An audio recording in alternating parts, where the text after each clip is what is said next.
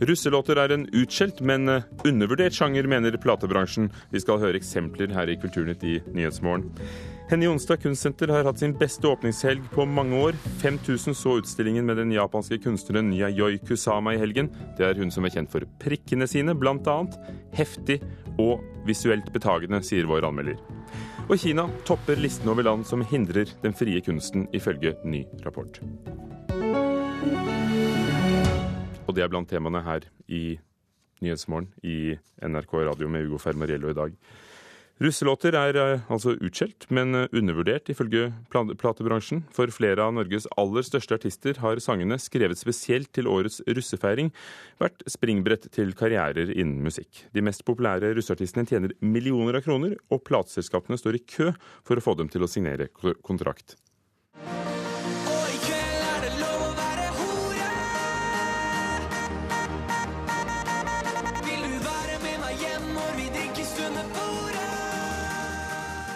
Når jeg, når jeg, lager de låtene her, så må jeg egentlig bare tenke hva er det folk har lyst til å synge med på fest? Kom, bli med ned på kne, lille luremus.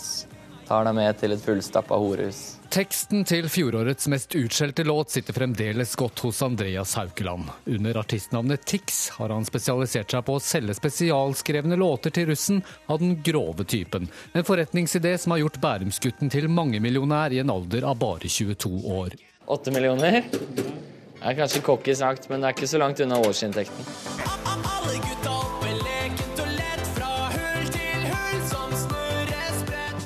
Jeg har kanskje gitt et lite stikk til store deler av musikkbransjen ved å vise hva en stusslig liten eh, russeprodusent eh, på gutterommet klarte å få til. Da. For i fjor, da bråket rundt de kjønnsdiskriminerende tekstene hadde lagt seg, sto tre plateselskaper på døra og bønnfalt Tix om å signere kontrakt. Han valgte det største, som nå har store planer for ham. Jeg har kjempetroen på Tix. Jeg tror han kan bli en av de store norske kommersielle artistene i løpet av noen år. Sier Leif Ribe i Sony Music. Han sier russelåtskriving fort kan være begynnelsen på noe stort. Andreas Schiller lagde russelåter før. Nå bor han i Los Angeles og lager musikk for stjerner som Jason Derulo og Justin Bieber. DJ Broiler startet med russemusikk. Nå har de fått internasjonalt gjennombrudd med Imagine Dragons. Ja, til og med Kygo lagde russemusikk for tre år siden.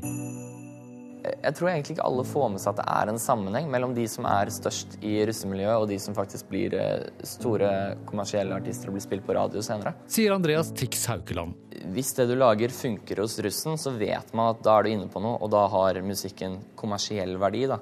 Altså Grunnen til at Sony signerte meg, er jo ikke fordi jeg har hatt et par hits tidligere, men det er fordi jeg har hatt flere hits, og de vet at det kommer flere. Ja, det er mange som undervurderer uh, russemusikken. Vi gjør absolutt ikke det. Vi har oppdaget for lenge siden at dette er en plattform for store karrierer. Men hva med all kjeften russemusikken har fått for tekstene sine? Er ikke det et problem for et stort plateselskap som Sony Music? På samme måte som uh, punken på 70-tallet fikk uh, mye tyn og var den dagens rebeller. Så dette er bare dagens versjon av det. Men er det greit at jenter blir kalt tøs og hore i disse sangene, som dere gir ut?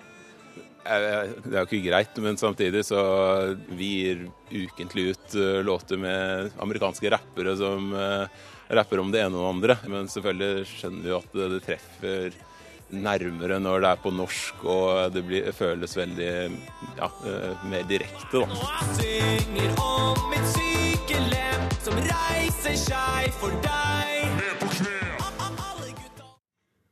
Tix til slutt der, og Leif Ribe i Sony Music, som ble intervjuet av vår reporter Petter Sommer. Helene Gelius Skyberg, artistansvarlig i plateselskapet Universal, og Benedicte Jacobsen Hamnes, programleder i NRK MP3. God morgen. God morgen. God morgen. Dagens versjon av punken, sa Leif Ribe i Sony Music. Er dere enige?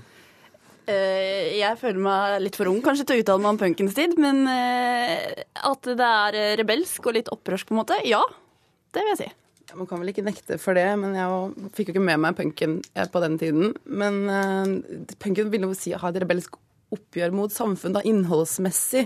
Kan man kanskje forsvare det mer enn akkurat russelåtene? Og, og hvis det var et opprør mot uh, et, the establishment og, uh, og, mot kvinnerollen, så med de tekstene vi hørte her, for de er jo noe for seg selv ja. i dagens musikkbilde. Er... er det mulig at det er et opprør mot samfunn? Ja, eller Det er et godt spørsmål. Opprør og opprør. Det er vel mer kan man våge seg til å si et rop om oppmerksomhet, da. Eh, Og så er det jo det med at man seksualiserer, i hvert fall spesielt kvinnene, veldig. Er det et rop om oppmerksomhet? Det er vel et rop om eh, et ønske om penger og oppmerksomhet. Og hvorfor gir dere dem det? Både MP3, som i flere år på rad har hatt kåring av årets russelåt, og dere i plateselskapene, ikke bare Universal selvfølgelig, som tegner kontrakter og gir det ut. Hvorfor gir dere dem den oppmerksomheten? Nå skal det sies at eh, NRK MP3 har ikke spilt eh, de groveste russelåtene, sånn som Tix sin låt i fjor. Eh, Men det er jo klart at det er etterspørsel, altså det er en stor etterspørsel. Vi får allerede etterspørsel kanskje i begynnelsen av desember, når dekknavnlåtene slippes, og så vares det helt eh, begynnelsen av juni. Eh, så det er en etterspørsel, og de treffer fordi de er eh, fengende. Men MP3 skal jo passe litt på hva slags signaler vi sender ut, så vi tar ikke med de groveste tekstene. Benedicte, dere i plateselskapene. Eh, Helene, unnskyld.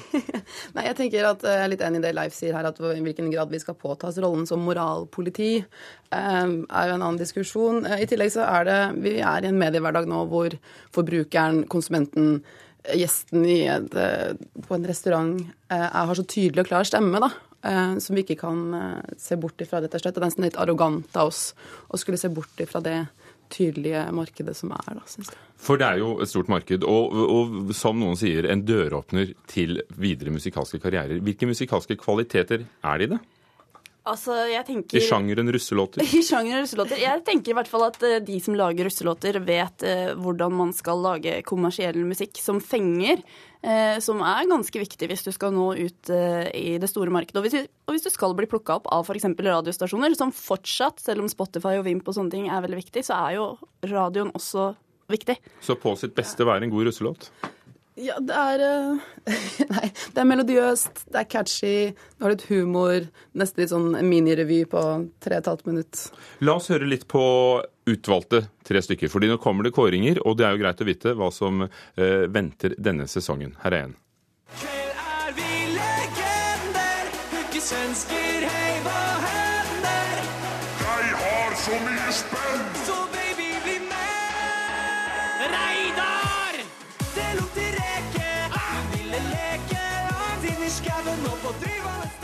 Dette er altså Tix igjen, eh, og når det gjelder det med punken, dette er kanskje den skal vi kalle det, groveste av tekstene. Er det, kan det bli årets låt? Altså, Jeg blir ikke overraska hvis eh, Tix igjen står for eh, årets russelåt. Det er jo tydelig at grove tekster og partybeats slår an hos russen. Skal man tro Spotify og tallenes tale, så ligger jo han foreløpig absolutt best an av de tre. By far.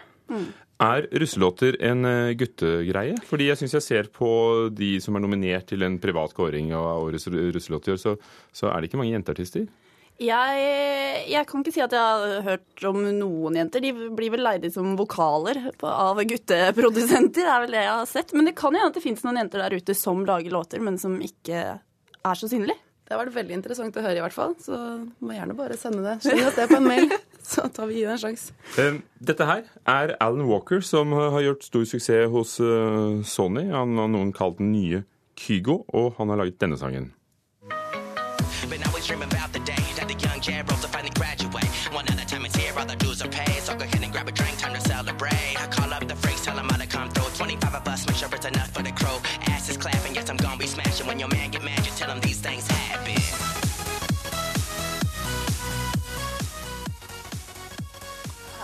Walker litt mer sin eh, kjente slags gamersound gamer-sound, da, som han har hatt hele tiden. Det er litt eh, mildere tekstmessig og litt i hans eget landskap, da, så man kjenner det igjen.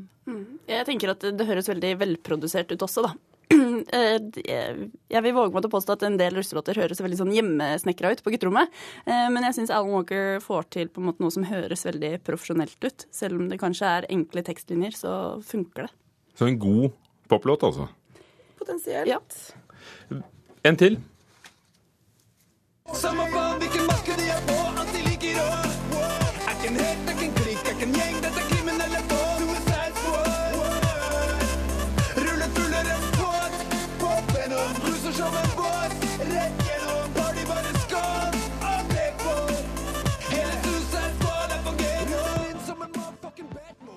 Suicide Squad 2016 laget av Alexander Rykkenfella, som han kalles. Austheim, eh, ganske etablert navn i sjangeren også. Er det bruksmusikk, dette?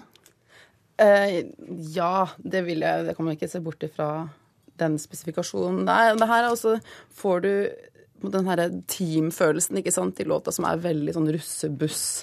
Uh, vi er på lag, det er en enhet. Ja. Det, det, jeg må jo si sånn, når jeg tenker tilbake på min egen russefeiring, at det er sånn du kan se for deg en fest på en russebuss med denne låta her. Eh, og Alexander har jo produsert også eh, låter for bl.a. Isak Elliot. Han lagde jo New Way Home, så han er jo etablert også i popsjangeren. Og han har jo produsert også litt låter for Sweet 16 som skal være med i Melodi Grand Prix. Så han vet hvordan man skal lage gode poplåter, og jeg syns at han har fått til det her, selv om det er veldig sånn enkel og altså repeterende tekst, da. Det er litt sånn eh, Klovner i kamp-aktig ja. følelse over låta. Sånn, det, Det å være russ og male busser røde og blå og, og kjøre rundt og sitte oppe hele natten er jo et veldig norsk fenomen. Er også musikken et norsk fenomen, eller har de lignende type pop, disko andre steder? Jeg så langt kan jeg si Jeg føler at det er veldig norskt. Jeg har prøvd å forklare dette til venner som er fra utlandet, og de skjønner ikke helt uh, dette uh, fenomenet. Det er litt det samme som disse afterski-låtene. da. Jeg føler Norge er veldig sånn egen på akkurat det. Ja, Sjangermessig så finner vi det også i Sverige, da. Det vi. Hvor er disse artistene om noen år? Nei, si det. Noen er nok borte og forsvunnet fra radaren, mens andre topper listene fortsatt. Takk skal dere ha. Begge to, Helene Gelius Skyberg, artistansvarlig i Universal, og Benedicte Jacobsen Hamnes fra NRK MP3. Og så er det mer om russelåtene på nrk.no, med flere gode eksempler.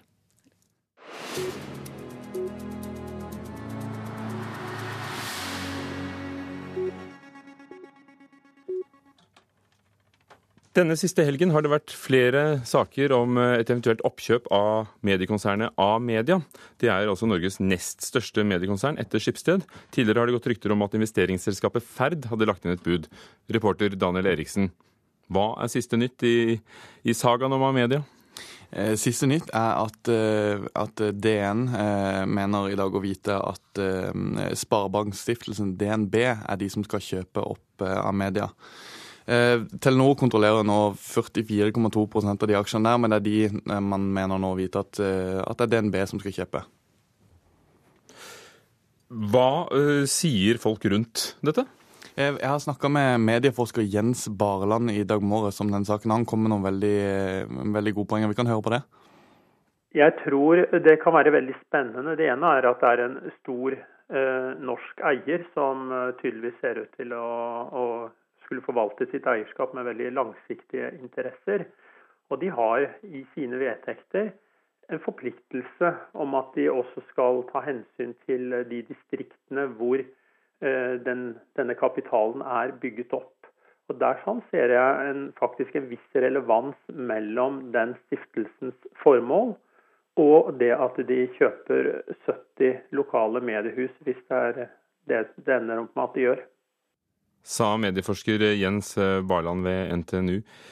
Det har vært eh, filmfestival i Berlin, og juryleder Meryl Streep sto på scenen eh, sist lørdag.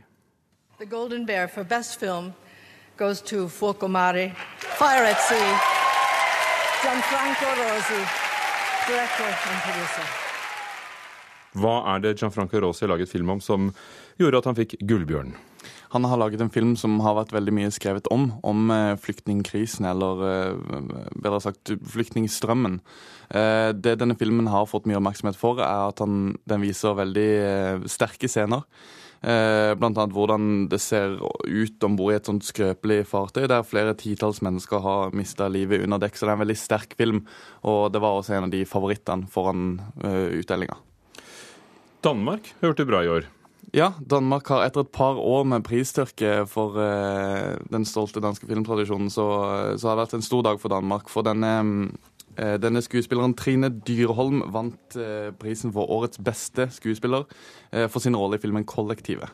Laget da Thomas Winterberg, han med festen. Det stemmer, det stemmer. Takk. Og så vil jeg gjerne legge til for egen regning at allerede neste helg kommer en ny bok av Umberto Eco. Den italienske forfatteren og universitetsprofessoren døde fredag kveld, 84 år gammel, i Milano, men arbeidet helt til det siste, selv om han hadde vært syk i et par år. Det er eh, forleggeren hans som sier dette til avisen La Repubblica. Boken blir en samling av artikler fra de siste 15 årene. Den siste er eh, skrevet så sent som i januar i år. Eco ble jo voldsomt kjent over hele verden med romanen 'Rosens navn', og også Foucaults 'Pendel' på 80-tallet. De fleste av bøkene hans er sakprosa. I morgen så skal Umberto Eco begraves i Milano.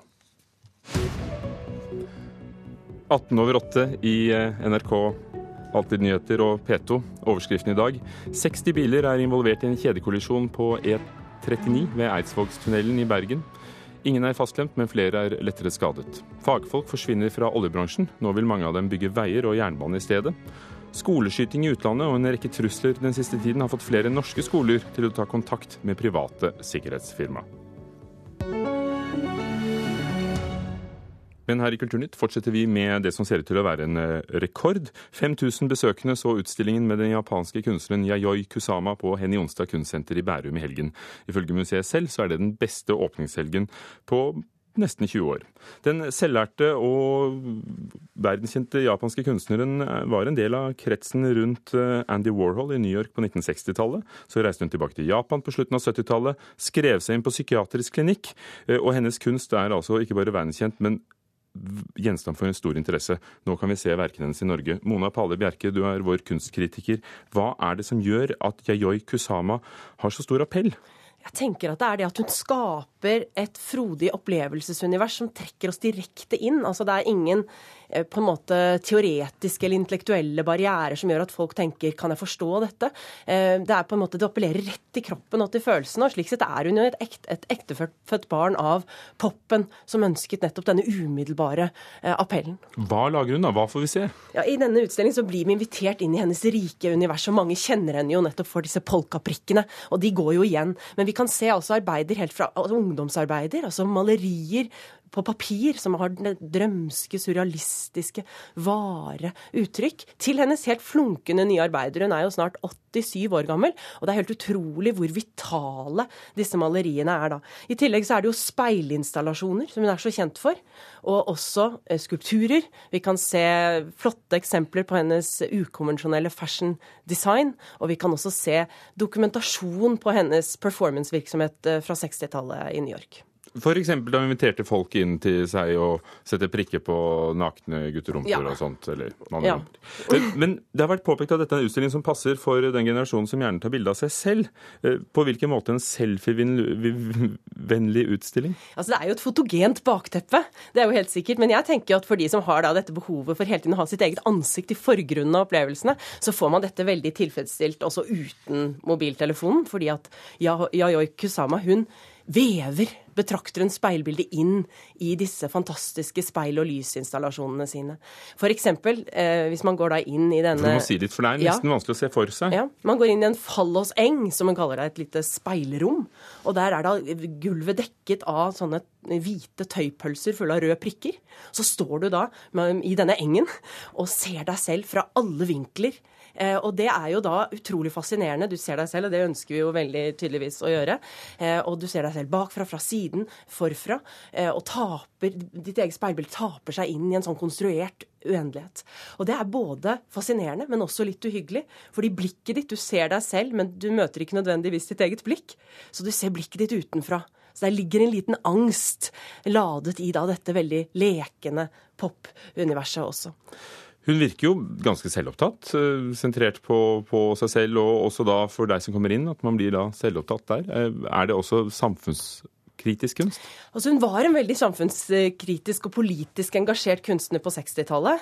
Eh, og de hadde jo da sånne antikapitalistiske happenings utenfor børsen i New York og masse fredsaktivisme og var kjempeengasjert. Og hun hadde også enkelte eh, politiske prosjekter etter at hun dro tilbake til eh, Tokyo i 77.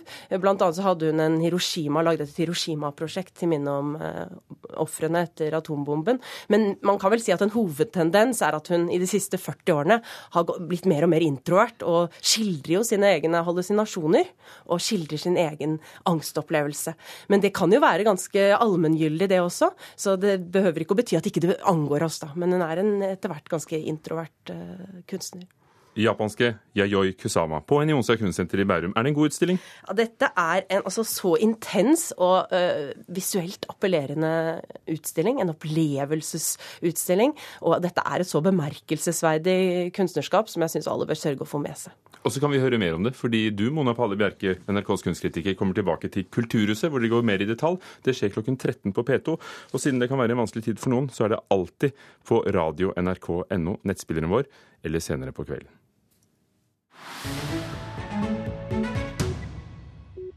Nynorsk er i ferd med å bli helt borte som hovedmålform i skolene i både Nordland og Trøndelag.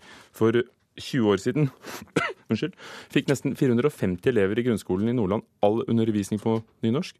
Nå er det bare én elev igjen, og ham møter vi her. Se her, du skal bare du fortsette på den sida.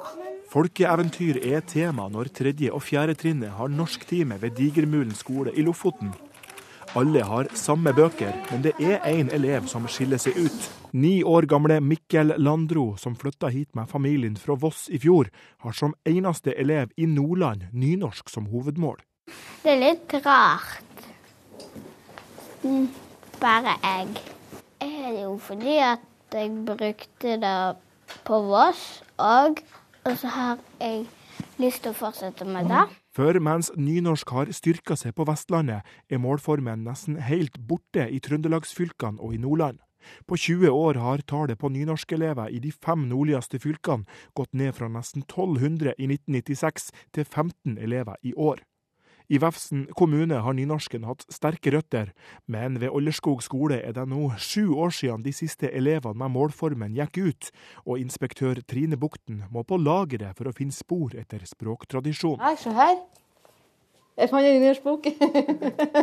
jeg vet ikke helt hvorfor det ble sånn. Eh, vi var jo før ei sånn eh, skole som eh, hadde veldig mye nynorskelever. Vi hadde ofte en klasse på hvert trinn.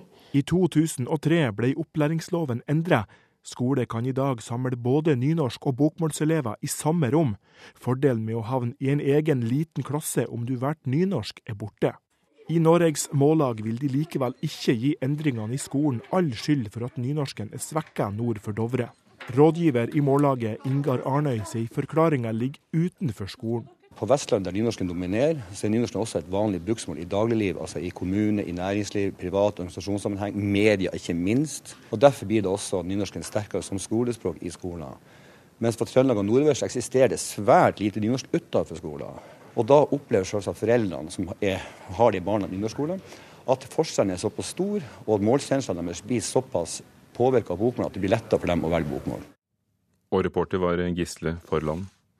Kunstnerisk frihet er under press i mange land, ifølge en ny rapport som organisasjonen Freemuse gir ut i dag. Kina er på toppen av listen over land som systematisk hindrer kunstnerisk frihet, tett fulgt av Iran og Russland, ifølge rapporten. Ole Reitov, direktør for Freemuse, som holder til i København i Danmark, god morgen. God morgen, god morgen. Hvor mye har den kunstneriske situasjonen for musikere, som er det dere spesielt er opptatt av, forverret seg det siste, det siste året? Ja, altså Om man ser på statistikken, så har det blitt dobbelt så, så svårt. Men statistikker skal man jo akte seg for, for statistikker er hva man kan registrere. Og det meste når det gjelder kunstnerlig ytringsfrihet, kan man ikke registrere. For det finnes hot, det finnes politiske situasjoner, det finnes länder som er stengte, og der kan vi ikke verifisere det. Så, så siffrene ser ut som det er dobbelt så mye, men, men i realiteten så er det ingen som vet det. Hvem er det dere tar for dere situasjonen til i, i den årlige rapporten dere kommer med? Altså Det ser jo ikke bra ut i en, en rad länder. Egypten har forverret, og det har jo pga. den politiske situasjonen. I Iran har det også forverret, men det har det ikke bare på pga.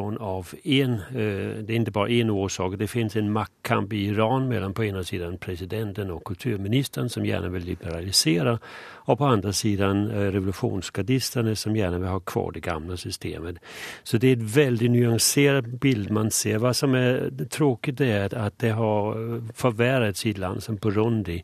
Burundi var inte alls med på listan förra året men, men eh, under 2015 har situationen, det har ju också med politik att göra, förvärrats och många har lämnat landet. Det var en musiker som blev dödad i januari, det ser inte bra ut alls i Burundi. Och så är det ju länder som man kan säga alltid finns på listan, Kina, Ryssland och eh, med en blandning av motivationer. Det er musikere, artister først og fremst, ikke sant, dere ser på her? Ja, det er alt innom konst, altså det er teater, dans, musik, eh, film osv. så vidare. For det, det jeg skulle si, gir det et godt bilde av situasjonen for alle som jobber med en utøvende, eh, med å uttrykke seg? Ja, det är det. og Och, det drabbar ju på olika sätt. Därför att är man, är man bildkonstnär eh, då kanske man blir hotad før för att man har gjort en teckning eller en bild eller någonting. Men när det gäller musiken så är det lite annorlunda därför då, då drabbar det inte bara musiken, det drabbar hela samhällen när man försöker stoppa musiken. Och, och på det sättet så skiljer förtrycket av de olika konstarterna sig ganska mycket. När det gäller film så är det också så att förmodligen är det mycket mer censur av film enn det er av noen annen konstart. Men filmbransjen gjør absolutt ingenting for å registrere dette. Hmm. Dere er en medlemsorganisasjon, dere gir råd til FN. Hvordan bruker dere disse funnene? For dette har dere holdt på med nå i, i mange tiår. Hvordan Ja. blir det brukt? Hva er din anbefaling? Altså man kan se, hva vad som har hendt under 2015 det er at det har fått mer oppmerksomhet innom FN-systemet. Det var en diskusjon i FNs menneskerettsråd i augusti. Det var en såkalt så kallad oral statement som fikk støtte av 53 länder. Men da skal man tenke på at det finnes 191 land i FN så det er altså ikke hele verden som støtter det her. Unesco har kommet ut med en ny rapport om eh, mångfaldskonventionen eh, och där finns ett avsnitt om eh, konstnärlig yttrandefrihet. Frimus har spelat en roll i alle disse sammanhang. Sen skal man også se rent politisk har Norge faktisk spelat en framtredende roll i å fremme den konstnärliga yttrandefrihet inom FN-systemet. Ole Reitov, direktør i Freemuse, takk skal du ha. Rapporten legges frem i dag, og vi finner den på sidene deres, ikke sant? Det gjør man, den kan man downloade. Og 3. mars er da Music Freedom Day, musikkfrihetsdagen. Kulturnytt i dag var ved produsent Gjermund Jappé og programleder Ugo Fermariello. Du hører på Nyhetsmorgen i NRK. Klokken er straks halv ni.